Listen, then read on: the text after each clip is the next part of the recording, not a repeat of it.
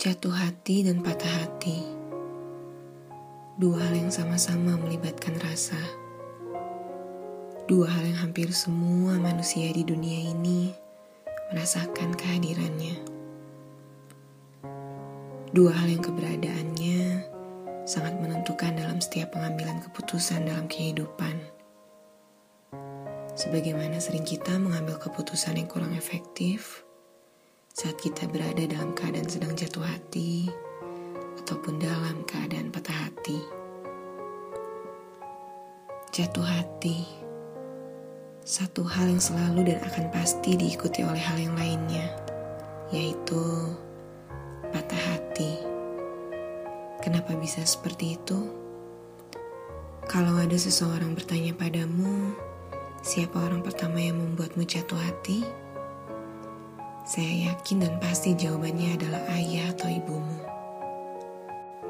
Dengan segala khasnya, tutur kata seorang ibu dan kehangatan seorang ayah membuat semua anak manusia merasakan indahnya jatuh hati. Namun, hal indah tersebut hanya akan dinikmati selama tiga tahun. Berikutnya, Semuanya mulai berubah seiring dengan perkembangan rasa dan pikir dari sang anak.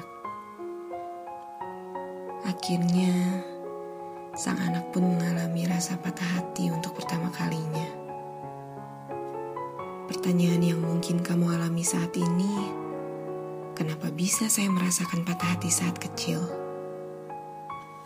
Patah hati merupakan perkembangan rasa dari sebuah rasa yang bernama kecewa. Rasa kecewa akan datang pada saat suatu hal tidak sesuai dengan apa yang kita harapkan. Seberapa seringkah kita kecewa saat kita kecil? Saat kita ingin sesuatu, tapi ayah dan ibu kita menolak. Saat kita ingin diperhatikan, tapi ayah dan ibu malah sibuk untuk bekerja. Saat kita butuh diapresiasi, tapi komplain yang kita dapat. Berulang-ulang kejadian demi kejadian tersebut terjadi, dan kita merasa kita memiliki pemahaman tentang apa itu rasa kecewa. Dan seiring dengan perkembangan kita, kita jatuh hati lagi dengan lawan jenis. Dan secara pasti, kita merasakan lagi rasanya kecewa. Namun dengan sangat sok taunya kita, kita namakan rasa kecewa itu dengan nama patah hati. Pernahkah kita berpikir atau mengolah rasa kita untuk bertanya, ke mana perginya rasa kecewa atau rasa patah hati yang pernah kita rasakan? Kecewa pada orang tua kita, kecewa pada pasangan kita, atau mungkin kekecewaan kita pada diri kita sendiri. And yes, it doesn't go away. It's still inside our memories. Lalu, kalau patah hati atau kecewa itu masih ada pada diri kita, terus ke mana perginya rasa jatuh hati? Seberapa sering kita merasakan pudarnya rasa kita terhadap seseorang? Is it really go away? Atau mungkin rasa itu berubah menjadi rasa kecewa atau patah hati? Hmm, kalau opini saya sih, rasa jatuh hati yang kita miliki pada seseorang itu tidak hilang dan juga tidak pudar.